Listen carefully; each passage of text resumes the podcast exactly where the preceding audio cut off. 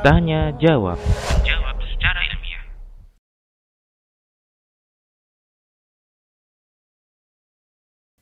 Kita jawab, Waalaikumsalam warahmatullahi wabarakatuh.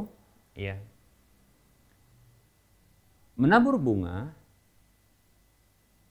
saya tidak pernah ya sependek pengetahuan saya ya ketika membaca Al-Quran demikian pula ketika membaca hadis Nabi Shallallahu Alaihi Wasallam saya tidak pernah mendapatkan dalil ya ada dalil yang menyebutkan penaburan bunga di atas kuburan. Ya penaburan bunga di atas kuburan demikian. Begitu juga air. Begitu juga air. Yang pernah saya dapatkan adalah ketika Nabi Shallallahu Alaihi Wasallam mendapatkan ya ada kuburan dua orang yang disiksa di dalam kubur karena dosa-dosa mereka. Lalu Nabi Wasallam mengambil pelepah kurma lalu membagi dua lalu menancapkan lalu beliau berdoa untuk mengangkat azab mereka berdua selama ya selama pelepah tersebut belum kering.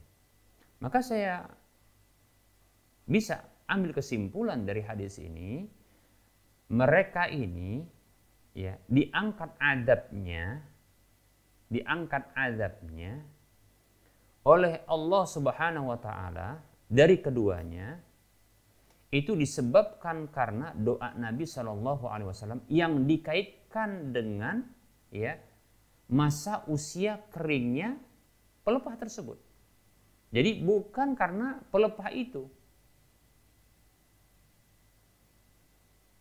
Ya. Namun ini pelepah bukan bukan apa? Ya, bukan e, bunga ya. Nah, jadi dalil penaburan bunga ini tidak ada. Kemudian ya siraman air juga kita katakan wallahu alam saya tidak pernah mendapatkannya, ya. Apa butuhnya dia disiram air? Ketika dia hendak dikuburkan, bahkan sebelum itu ketika hendak dikafani, dia sudah dimandikan dengan air. Ketika musim hujan kuburannya selalu kena air hujan, bahkan melimpah ruah seperti itu. Apa butuhnya dengan ya dengan e, air tersebut? Demikian. Apakah boleh? Saya condong ya tidak boleh karena hal seperti ini ya bisa jadi jatuh kepada perkara-perkara yang akan kita sebutkan. Apakah termasuk kesyirikan? Maka kita katakan para muslim rahimani warahmatullah, ya. Jika dia meyakini bahwasanya bunga. Orang yang menaburkan bunga, demikian pula air tersebut, ya. Dia meyakini bahwasanya orang yang berada di alam kubur tersebut bisa mendapatkan manfaat dari air dan bunga tersebut.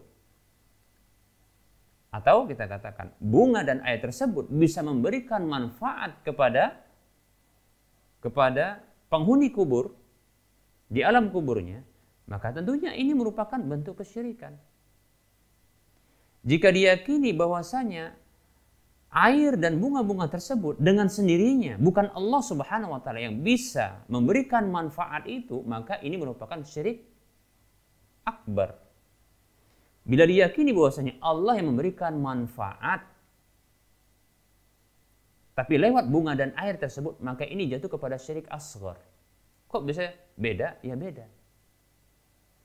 Diyakini dengan syirik akbar, diyakini, dihukumi dengan syirik akbar dikarenakan dia meyakini kemampuan memberikan manfaat itu ada pada air dan bunga. Bukan Allah Subhanahu wa taala. Maka ini menjadikan selain Allah Subhanahu wa taala sebagai tandingan. Ini syirik akbar. Dihukumi tindakan tersebut syirik akbar, keyakinan tersebut. Apabila diyakini para muslim rahimani warahmatullah bahwasanya air dan bunga tersebut sebagai sarana saja. Namun Allah Subhanahu wa taala yang memberikan ya kemanfaatan bagi penghuni kubur tersebut. Maka ini syirik asghar. Kenapa bisa?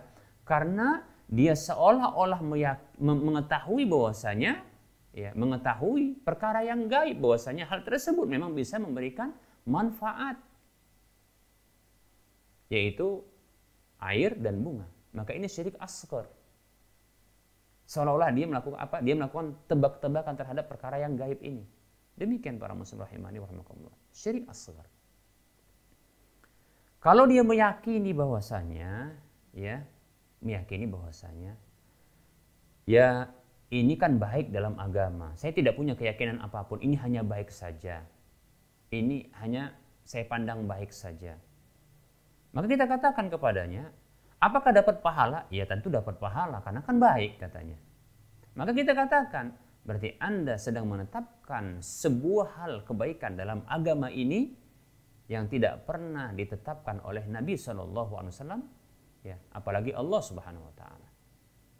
Ya, Nabi Shallallahu Alaihi Wasallam mengatakan, man ahdasa fi amrina hada ma laysa minhu fahuwa. Siapa saja yang mengada-adakan dalam urusan agama kami ini sesuatu yang bukan darinya, maka tertolak. Ini tertolak. Tidak dapat pahala. Bahkan inilah yang disebut oleh Nabi SAW dengan kebid'ahan. Ya, beramal tanpa ada perintah. Dalam hadis yang lain Nabi SAW bersabda, "Man amila amalan laisa alaihi amruna fahuwa raddun." Kalau yang pertama tadi hadisnya riwayat Bukhari Muslim, ini hadis riwayat Muslim. Siapa saja yang beramal dengan sebuah amalan yang tidak ada perintah kami padanya maka tertolak. Amalan tidak ada perintah kami padanya maka tertolak. Bila ingin diterima maka harus ada perintahnya. Olah orang yang melakukannya maka dituntut untuk mendatangkan perintah Nabi Shallallahu Alaihi Wasallam. Betul berziarah itu perintah Nabi Shallallahu Alaihi Wasallam. Kata Nabi Shallallahu Alaihi Wasallam, kuntu nahaitukum an kuburi fazuruha. Dahulu aku pernah larang kalian dari ziarah kubur, maka ziarah kuburlah. Demikian. Dahulu ketika masih sahabat-sahabat ini masih baru saja terlepas dari kesyirikan. Setelah mereka kuat iman mereka, maka silakan berziarah. Demikian pula, ini perintah Nabi. Anjuran, silahkan untuk apa? Ziarah.